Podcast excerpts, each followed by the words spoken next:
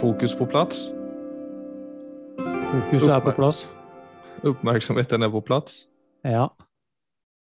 Ja, det er skjønt at no någon har det. ja, ikke sant? Jeg holder på å lese en bok eh, akkurat nå som eh, jeg er ikke ferdig med, men jeg er godt over halvveis, og den heter Stolen Focus av en fyr som heter Johan Hari. Og Heter har- Johan Harry. Hvilken, hva er han ifrån? Vet du det? Jeg tror han er britisk. Johan, undrar om inte jag har läst en annen bok om han nylig. Ja, uansett. Ok. Og han har eh, Altså, han merka selv at han eh,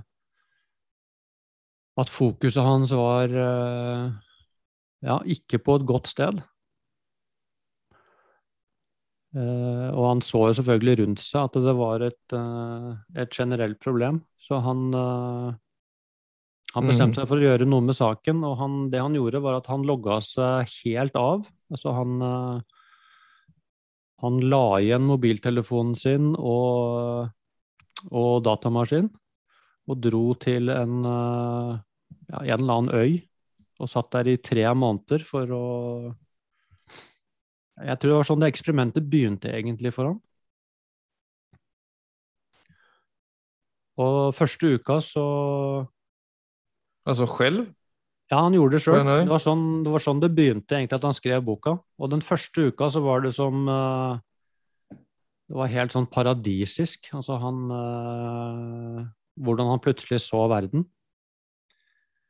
Og så kom Plutselig våkna han en dag, og så var det Han var helt desperat etter å få fatt på telefonen sin. Og så da kom alle altså withdrawal-symptomene. Ja. Altså alle, alle symptomene på avhengighet. Så han eh, måtte gjennom en sånn periode hvor han eh, Ja, hvor det var enorm craving for, uh, for den type innhold. Men så roa det seg selvfølgelig igjen uh, ganske fort. Da. Og så Men så kom han jo tilbake igjen, og så tok det ikke lang tid før eh, han var sånn fire timer om dagen på skjermen igjen. Men da begynte han å virkelig undersøke dette fenomenet. Altså, hva er det som skjer egentlig? Så han har, vært, eh, han har lest en haug med forskningsartikler, og så har han vært og besøkt eh, alle disse menneskene også som har skrevet disse artiklene, som har gjort et enormt researcharbeid. Mm. og samla. Så det på, på en måte så er det Det er nesten sånn at alt som står der, visste jeg på en eller annen måte fra før, men når alt dette er samla, så er det som en det som en flodbølge, faktisk. Altså som, eh, og det er veldig fint. Altså få den flodbølgen midt i trynet. Mm. Så, så, og han har noen gode Det er et par ting der som jeg ikke hadde tenkt på før. Og, og den ene veldig gode metaforen han kommer med, det er dette med altså, magi. Eller egentlig det, dette med å være, som blir sagt på norsk, en tryllekunstner. Mm -hmm. For det, altså det magi egentlig handler om, det er at de Det er å lure oppmerksomheten. Så det er det å skape brudd i oppmerksomheten vår, sånn at vi ikke får med oss det som skjer. Og det lille øyeblikket hvor ikke vi får med oss den informasjonen, så, så får vi denne Jøss, hvordan var det mulig? Liksom, hvor blei det av den mynten, f.eks., eller hva var det egentlig som skjedde? Så det, han beskriver det som uh, Altså, han, han møter en jeg tror en av verdens beste såkalt tryllekunstnere en dag, og så sitter han der bare med en kortstokk. Uh, og så sier han nå skal du, bare helt randomly, så skal du nå bare dele denne kortstokken i to forskjellige bunker. Så han satt bare så du kan si høyre, venstre, venstre, høyre, venstre. Så kommer det til slutt, så blir det to bunkekort. Og så sier denne tryllekunstneren, og når du er ferdig, så vil alle de sorte kortene ligge i den ene bunken, og alle de røde kortene vil ligge i den andre bunken. Og så begynner de, da. Og så sitter han sånn helt Det han tenker er helt tilfeldig. Ta ett kort av gangen. Den bunken, den bunken, den bunken, den bunken. Og så er de ferdige, og så ligger alle de sorte kortene i én bunke, og så ligger alle de røde i en annen bunke. Og han er sånn Hva skjedde egentlig? Og nå sier de det er sånn, En tryllekunstner skal jo aldri avsløre triksa sine, men det gjorde denne fyren. da. Og det han, det han rett og slett gjør, er at han bruker øynene sine, altså han som er da magiker, Ja. til å påvirke han andre fyren ubevisst. Rett og slett gjennom blikkretning. Så det han opplever som et fritt valg, det er rett og slett at han har blitt hacka midlertidig av denne tryllekunstneren på hva han skal velge. Helt uten at han er klar over det. Herregud. Komisk. Ja, det er på en måte komisk. Og så tenker jo alle, ikke sant? Alle tenker jo det. Ja, det ville ikke skjedd med meg. Nei, mer kontroll enn så har man liksom. Men, men eh, det er jo akkurat det som skjer med oss alle. Og han trekker jo dette inn i en parallell med altså Hvorfor er det så vanskelig å holde en stabil oppmerksomhet? Hvorfor mister vi fokus hele tiden? Hvorfor blir vi så fragmenterte? Det er fordi alle disse sårbarhetene som er i psykologien vår, de er det andre som er klar over og bruker.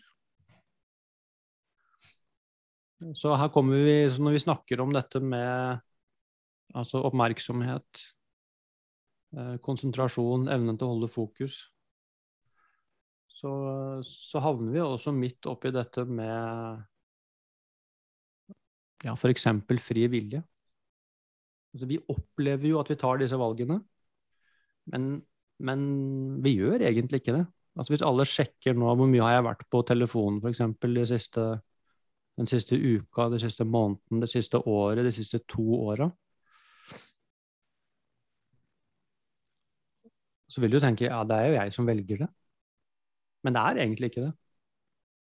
Det er andre som har valgt det for deg. Fordi de vet å utnytte disse sårbarhetene som, eh, som er medfødt hos oss.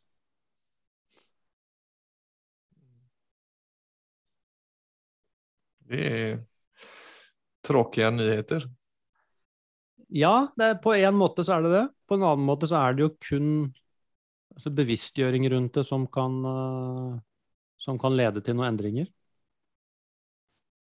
Så han, eh, han går gjennom altså mange forskjellige elementer som til sammen egentlig viser hvorfor det er så vanskelig for oss i dag eh, å holde et stabilt fokus. Og, og det han også viser, er jo det at evnen vår til altså til å reflektere og til å tenke dypt over ting, den er blitt også mye dårligere pga. dette. Så det, det er jo Mm, ja, kollektivt sett ganske, ganske store problemer, faktisk. Ja, det er det jeg tycker er verst med det. Det siste du nevner der. Det er med en slags fordypning i ting. Altså i et samtale eller i, en, i ett arbete eller alltså vad det än är då. Så vill ju det alltid kräva investering av uppmärksamhet. Ja. På en eller annan nivå. Och jag, har nog, jag tror jag är lite sån överuppmärksam på de tendenserna. För jag syns ju att det är det värsta med moderna människor om jag ska vara helt ärlig. Att man flackar så mycket med uppmärksamheten och att det att hålla ett samtal är liksom problematiskt. Ja. För folk. Som du säger utan att man helt registrerar det själv. Och det kan gott vara att jag också är en, eh, ett offer för det, det är jag säkert. Men jag ser det mest, eller mitt fokus är mest att jag ser det jag kan sitta och studera två som pratar. Liksom. Alltså det kan också vara att jag sitter och studerar mitt egna samtal med folk. Men bara det att se hur lite uppmärksamhet man klarar av att ge varandra i ett samtal. Som fan sitter, det är helt meningslöst att sitta och snacka. Det är den födelsen jag får. De sitter och prater pratar med varandra men så är det, det är bara sådana du vet, mikroshots av ouppmärksamhet som egentligen bara då tar bort allt potential som det samtalet kunde ha haft. Mm. Och så är det ju flera ting som spelar in såsom osäkerhet och social stress och press och etc. Men da då är det det som du säger en sån när, då, när uppmärksamheten är under angrepp till den graden som det är idag. Ja. Så blir det ju nästan omöjligt att få en fördjupning eller få en, få en eh, födelse av kvalitet eller ett möte för den saks skull. Ja, absolutt. Det Altså, et møte krever jo tilstedeværelse. Så, og når den blir, blir, dårlig, så blir jo også altså, gode, mø gode mellommenneskelige møter blir jo etter hvert også borte, faktisk. For det, rett og slett fordi det er fullt. Så det er klart han, eh, Noe av det første han peker på, som det var jeg ikke klar over. Jeg var klar over den ene biten. Han sier et av problemene her, det er rett og slett graden av informasjon som vi, som vi blir utsatt for, da, og som vi skal fordøye per dag. Men det han sier, det var at dette begynte ikke med, med sosiale medier og smarttelefoner. Dette begynte for flere generasjoner siden.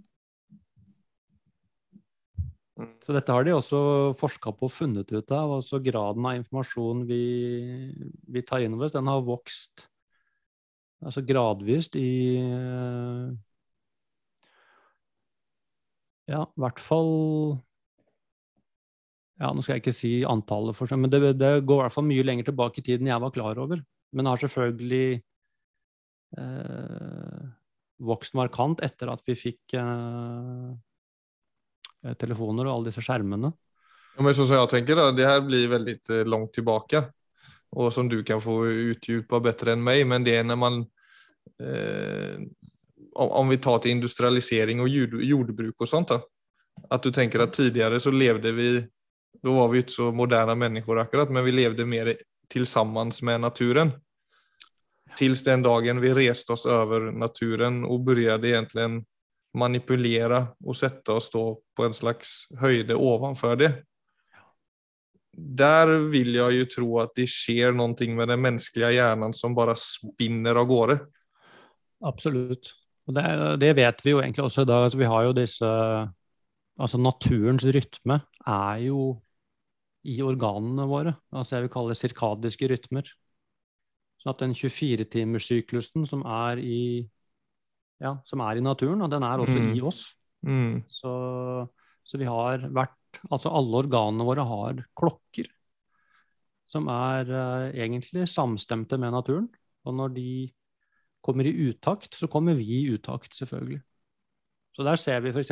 bare dette med kunstig lys, altså hvordan det har uh, det er, av, det, er god, det er, jo mange grunner til at folk sliter med søvn i dag. Det er jo også et kjempeproblem. Ja, Nå hørte jeg at det var 42% som slet med søvnløshet. 42% liksom. Ja, Men alle disse tingene henger sammen, selvfølgelig. Det, ja, men det er som du sier, Organen vil egentlig bare være i takt med natur, som er helt naturlig, for organ er natur, vi er natur. Men hjernen tar oss, har liksom tatt oss så klart til spennende plasser, men i helt ukontakt med sine naturlige premisser. da. Ja, jeg tror det er uh, veldig nyttig innimellom å gå tilbake til dette veldig enkle spørsmålet og se uh, altså det vi kaller utvikling. Fører det til bedre liv? For det er det vi til syvende og sist er ute etter. Altså, så vi kommer jo hele tiden til dette hva er det gode livet egentlig? Og på hvilke måter er det dette hjelper oss, og på hvilke måter er det det trekker oss bort fra det? Og ja. Der er vi jo igjen i veldig, veldig komplekse ting, men uh... Jo da, men det er samtidig det var det jeg tenkte også, ja, du kunne utgive altså det, blir plötsligt, det, blir litt, altså de blir komplekst og djupt når man snakker om det der, men samtidig så er det noe veldig viktig og sant i det i liksom naturlige eh, tillstånd som vi idag väldigt lite försätter oss i. Ja, altså det, det som i hvert fall har blitt veldig klart for meg når jeg leser denne boken, det er at det, altså vi har nok kunnskap i dag. Og da tenker jeg på vitenskapelig. altså Det er mer enn nok evidens egentlig for at uh, så det som har overraska meg mest, det er at ikke dette er med på dagsorden altså fra altså politikere, kanskje, kanskje spesielt utdanningssystemet. At ikke, det er mer, at ikke de er oppdatert på dette for å få For at dette er ikke, dette er ikke et personlig ansvar. Eh, det er det også, men det er et kollektivt ansvar. Altså med, Hvis jeg hadde hatt barn i dag, så ville jeg stått på barrikadene og krevd ting. Altså Med forskningsrapporter i hånda og sagt dette her skal ikke altså Mine barn skal ikke bli utsatt for dette. I hvert fall ikke fra skolesystem og fra, fra de systemene som, som, rett, som skal være ansvarlige for dannelse av dette unge sinnet. Og det er dit vi er nødt til å komme. Altså hvor uh, Fordi at det, det var noe av det andre som, uh, som jeg syntes var fryktelig interessant med å lese. Det var jo at altså disse altså unge egentlig Skal kalle det teknologer. Altså alle disse som har lagd alle disse appene og egentlig den teknologien som etter hvert har, har hacka hjernen vår i hvert fall alle, i hvert fall mange av dem, altså de var jo sånn utrolig optimistiske på at det de skulle lage her, bidro til en bedre verden. Connect the world. Ja, de, de, så deres fokus var jo det er jo veldig vakkert. Altså var helt sånn Her er det kjempemuligheter for uh, ja, Utveksling ja, av alt. Ja, for oss Lender kollektivt. og kulturer imellom og ja. Og når han uh, har gått og intervjua dem, så er det jo mange av disse som, som har laget dette, som selv har blitt avhengig. Mm.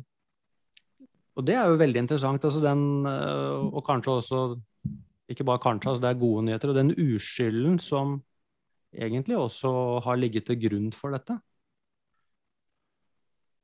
Med, og det er der mange av disse har skifta kurs. Det var uh, en av historiene som, uh, som jeg syns var helt fantastisk. Var en av de, en av, jeg husker ikke hvem av dem det var, det spiller ingen rolle heller. Men uh, jeg tror han jobba i Google og var en av de som har vært på liksom helt fra begynnelsen av på å, på å lage alle disse tingene. Så satt han med sin egen datter en dag, som var fem år gammel, som, hvor de holdt på å lese en bok. Og, hvor, eh, og, i den boken så var det et spørsmål til datteren. Det var uh, hvilken superhelt skulle du ønske å være? Altså hvilken, Hvis du kunne velge en superkraft, hva ville det være? Og midt i dette så ble han plutselig opptatt av telefonen sin. Altså, I en sånn Altså noe så vakkert, egentlig. Ja, ja. Og så, så, plutselig så blir han fragmentert, og så er han plutselig på telefon. Og når han kommer mm. tilbake fra telefonen, det er sikkert bare snakk om noen sekunder, så er datteren borte.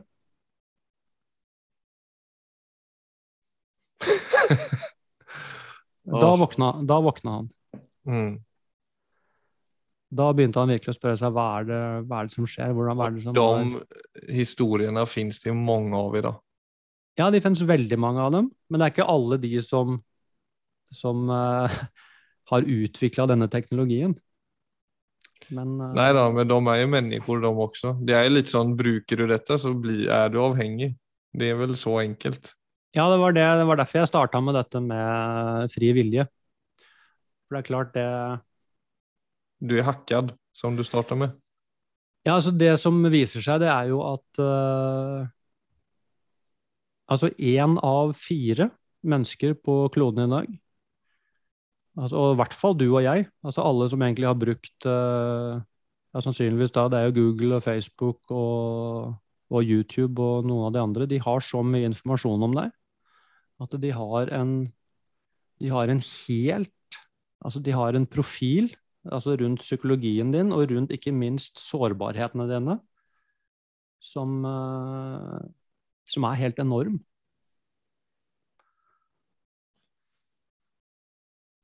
Mm. Så, så, apropos da denne magikeren som fikk han til å legge disse kortene sånn som han ville. Altså, så det, og hvis ikke det gjør deg litt sånn betenkt Jeg tenker at her er det jo At det hele du vet, du vet, hvordan dette brukes, Philip. Dette har vi, tror jeg vi har snakket om før, men altså det, dette skjer jo bare på, via algoritmer. Mm. Altså hva slags informasjon du blir eksponert for på din skjerm. Det er det disse algoritmene som bestemmer. Og det er ikke tilfeldig. Og det eneste som er viktig for disse algoritmene, vet du hva det er? Det som trumfer alt annet. Hvor du klikker på? Ja, men, eh, ja, på en måte, men, men altså det, det er styrt av det Hele greia er at du skal fortsette du skal fortsette å være pålogget. Ja, Det er det algoritmene styres etter. Ja, det skjønner jeg. Det jeg vet, det merker jeg når jeg er inne på Instagram og hva jeg blir eksponert for. Ja, så Så der har er det vi, hele vi tiden det jeg har klikket på som det kommer opp enda mer av. ja, men, men du skjønner, det er én ting. Men så, så der har vi på en måte Der kan man skjønne ok, ja, det er det som styrer hva jeg blir utsatt for. Det er rett og slett at jeg skal Det vil si at jeg skal holde oppmerksomheten min. For når du holder oppmerksomheten min, da fortsetter jeg å være logget på. Og så blir spørsmål nummer to hva er det som holder oppmerksomheten min? Hva slags type informasjon er det som gjør at jeg fortsetter å være pålogget?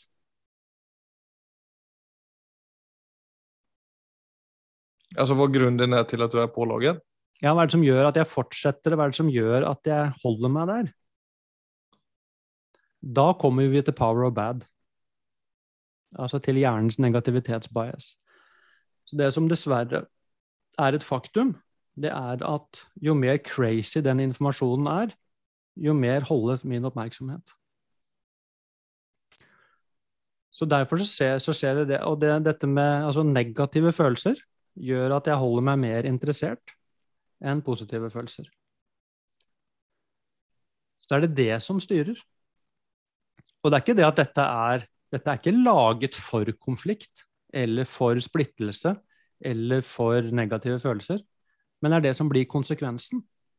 Igjen ved at det algoritmen styrer etter, det er at jeg skal holde meg pålogget. Så konsekvensen av det blir rett og slett uh, uh, misunnelse, sinne, hat, konflikt. Altså de tingene er det som gjør at vi, uh, mm. at vi holder oss der. Og, og da begynner vi jo å snakke om Ja, ikke sant, både store individuelle, men da begynner vi å snakke om altså virkelig demokratiske problemer, faktisk. Men nå husker jeg hvor jeg har han Johan Harry fra. Husker du at vi snakket om en bok som heter Frakoblet? Ja. Det var ganske mange, det var vel kanskje ett år siden eh, drygt, som vi hadde en eh, Og da tok vi utgangspunkt i en av hans bøker som hette Frakoblet. Det er ikke, den eh, det er ikke den du snakker om nå. Men det er jo en variant av dette, og da minnes jeg så godt at han nevnte det at eh, Altså vår, vårt gull Altså alle jakter på en måte etter eh, vår oppmerksomhet. Altså Ja. så som algoritmen, algoritmer jakter på det, og vi borde gjøre det vi kan for å jakte på det. Så det er på en måte både algoritmerna og vårt guld, eller vår skattkiste, eller hva det var han sa da. Ja. Altså at det er så avgjørende for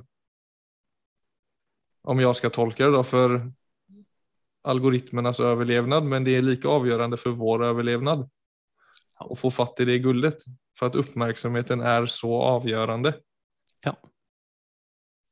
Og de kreftene som trekker i annen retning, de, de er så sterke at det, hvis, du, hvis vi fortsetter uh, egentlig den løgnen at dette er uh, et individuelt ansvar, så får du aldri gjort noe med det.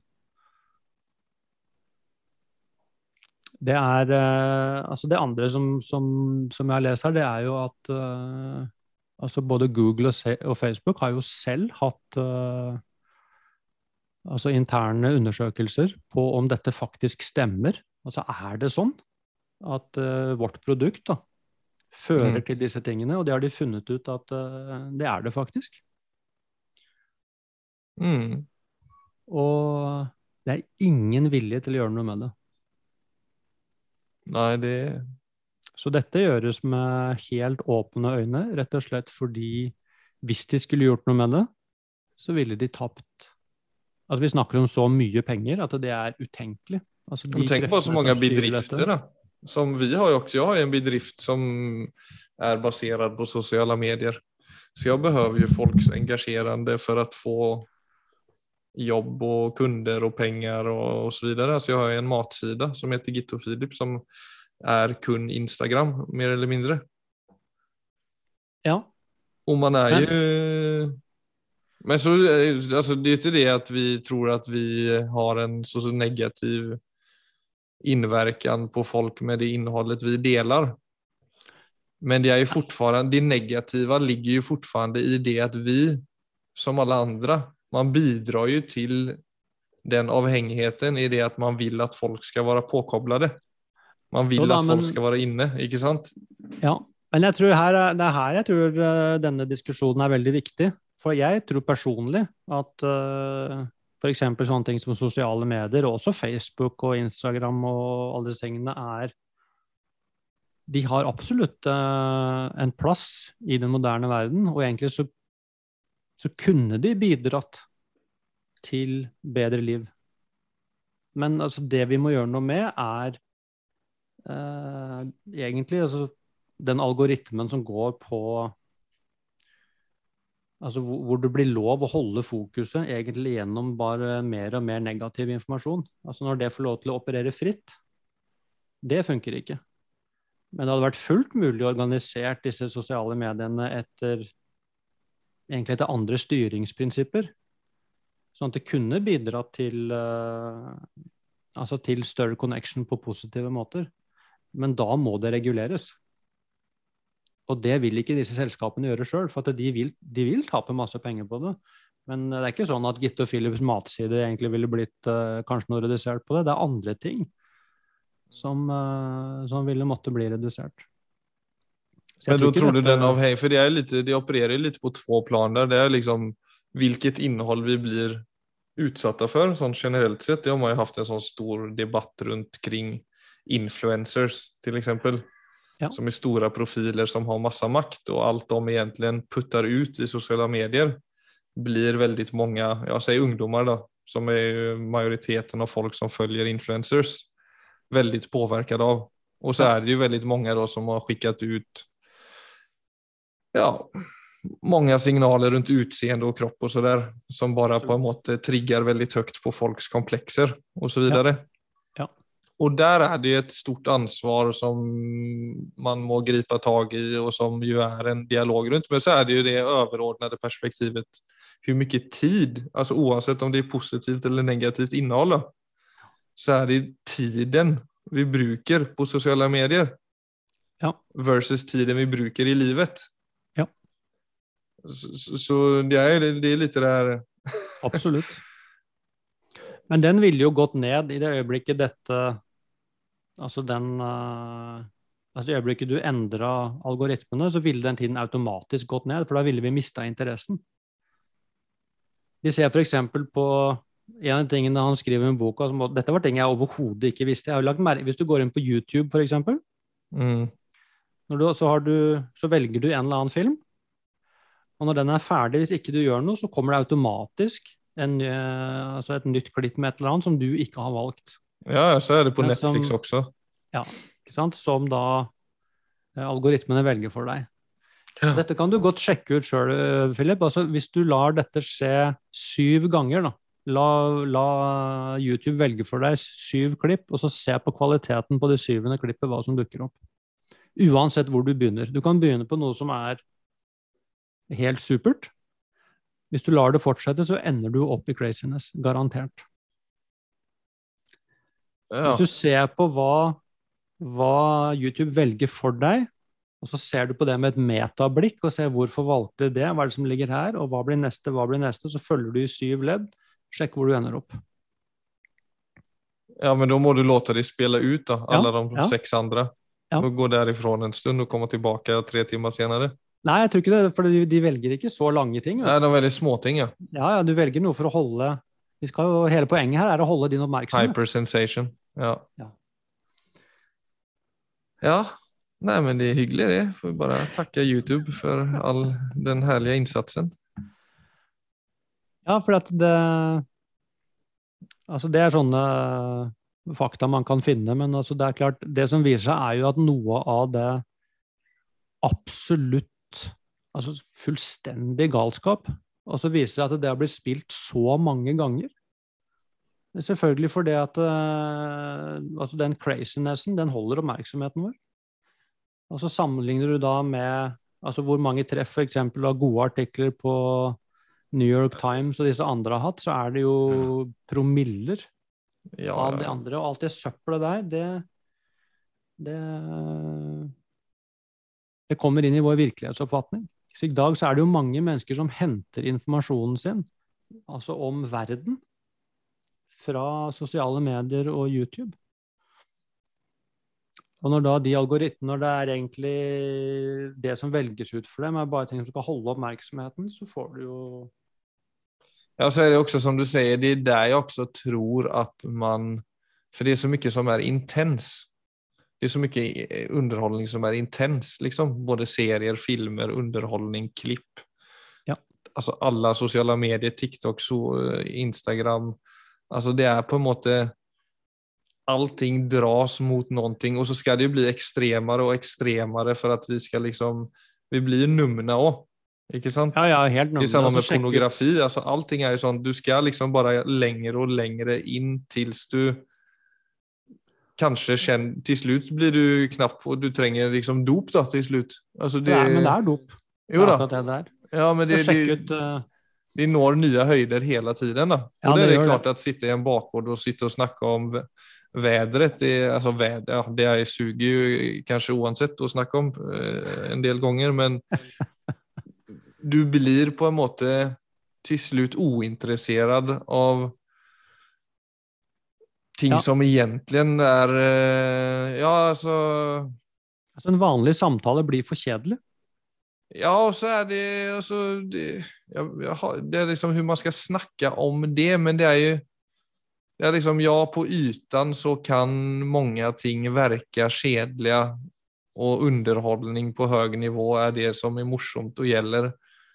Men så, vad känner man sånn, när, när känner du att du liksom lever? När känner du att hjärtat pulserar lite extra? Så det, det är på en måte i möte med andra människor sånn på ordentlig.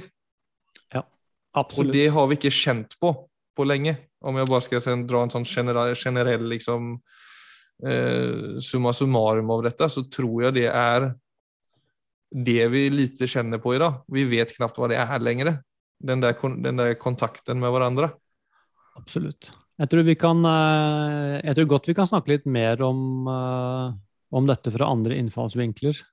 Men kanskje vi skal altså vi, vi, kan jo oppfordre lytterne våre da, til å sjekke ut Altså Neste gang du gjør noe som krever oppmerksomhet, og hvor du plutselig hvor du kjenner at du må, må streve litt, legg merke til hva som skjer da. Altså hvor fort du plutselig griper til telefonen eller noe annet for å få noe. Jeg bare kjenner det når du sier det.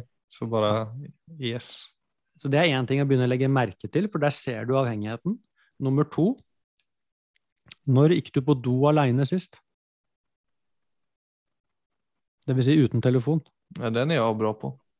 Ja, du er bra på den? Den løser jeg. Ja, bra. Er, uh, men der tror jeg mange vil se nei, det er lenge siden. Ja, ja jeg det, har, det, det skjer å... at, jeg går inn, at jeg går inn med telefonen, men uh, ja, nei, det er ikke ofte det skjer, hender. Men jeg, jeg kjenner veldig til den impulsen som dukker opp. Ja. Og... Folk syns det er rart at når jeg sier at jeg ikke har telefonen på soverommet. Det syns ja. de fleste rundt meg i alle fall er ganske ja. Hur shit, hvordan går det til, liksom? Det burde, det burde alle lage som en regel. Jeg har ingenting på soverommet å gjøre. Altså det, men det er sånne ting som forhåpentligvis en type kunnskap som vil komme etter hvert, hvor man ser at eh, For det burde være motsatt. At folk burde reagere. Har du med deg telefon på soverommet? Er du sprø? Ja. Vet du hva det gjør med deg? Men det siste, Philip, for i dag, for det, ut fra det du sier, så der skal du få støtte fra verdens fremste forsker på flow. Mm -hmm. Som vel er død nå, men han som starta forskningen på det, altså som het noe veldig vanskelig navn, men noe sånt som eh, uh, Mihael Csikszentmihalyi. Mm. Og det han uh, har funnet ut, det er at det å sitte foran en skjerm, uansett om det er TV eller en datamaskin eller telefon eller hva det enn er, så er det samsvarende med utrolig lav flyt. Altså denne flow-tilstanden, som er den optimale følelsestilstanden vår, den får du veldig, veldig, veldig lite av når du sitter foran en skjerm. Så skjermaktivitet er det samme som veldig lav flyt. Det Så det kan jo være interessant Ja, det- å ta inn over seg også, for det er sånn Det er veldig lett å gå dit, men du får veldig lite igjen. Det er bare tiden som går fort. Så det flytforskningen viser, det er at flyt det eh, er avhengig av at vi er aktive. At vi gjør noe. Altså vi engasjerer oss med mens, mens aktiviteter hvor vi er passifisert, Mm. der er det lite eller ingen flyt. Det gjelder liksom serier og filmer, altså for det Ja, ja, kan jo være nesten Mange kan jo få nesten religiøse opplevelser av å se en skikkelig god film. Ja da, men det er jeg helt enig i. man er man jo på, så det er undantag. Ja, ja, nei, men igjen, ikke sant? jeg tror ikke det er noe, det er ikke noe gærent med gode filmer og serier. Men, men det er allikevel noe med å se sant, hva skjer. Det er den én episode til, og begynne å legge merke til hva er det som skjer egentlig med altså graden av eh, Vitalitet liksom. Ja, levendehet. At du kjenner at du har gjort noe meningsfullt. At du skrur Mm. og kjenner åh, wow, dette var the best day ever. Mm. Ja, På den, på den sjette episoden, nei, den, den grafen, den går Ja. nedover og nedover og nedover. Det blir akkurat samme som potetgull, altså armen bare går. Det er først når du er i ferd med å spy at du kjenner at du har fått nok. mm. Så kan, ikke- kan ikke stole på den mekanismen der. Nei. Ja. Spennende og urovekkende og spennende igjen. igen. Nei, jeg har faktisk på grunnlag av Og jeg har jo visst om disse tingene fra før, men på grunnlag av eh, alt, altså den samla informasjonen som leser denne boka, så er det Når jeg kommer hjem nå, så blir det telefonkurv. Altså hvor, eh, hvor dette, dette skal legges bort, det skal ut av synsfeltet, og der skal det være mesteparten av tida. Det skal, dette skal bare frem altså når, jeg, når jeg velger det på ordentlig. Jeg kan ikke la impulsmekanismen eh, styre det greiene her. Det er eh, Nej, för det er jo også chockerande. man, eh, det der med cold turkey versus regulere og Ja. finne ut modeller som passer, og Ja. ikke bli for mye og ikke bli for lite. Nei, virkelig se altså, på hvilke måter er det dette bidrar, og på hvilke måter er det at autopiloten bare tar meg til stede. Og det er ikke det at det er noe altså, Konsekvensen er sånn snikende. Så jeg tror man må ta det dit og se Altså, når føler jeg meg 100% levende? Og hvorfor ikke ha dager hvor jeg er 100% levende, istedenfor dager hvor jeg kjenner at ja, det var helt greit, liksom? Det var ålreit. Mm. Ok, Philip. Takk for i dag. for det idag.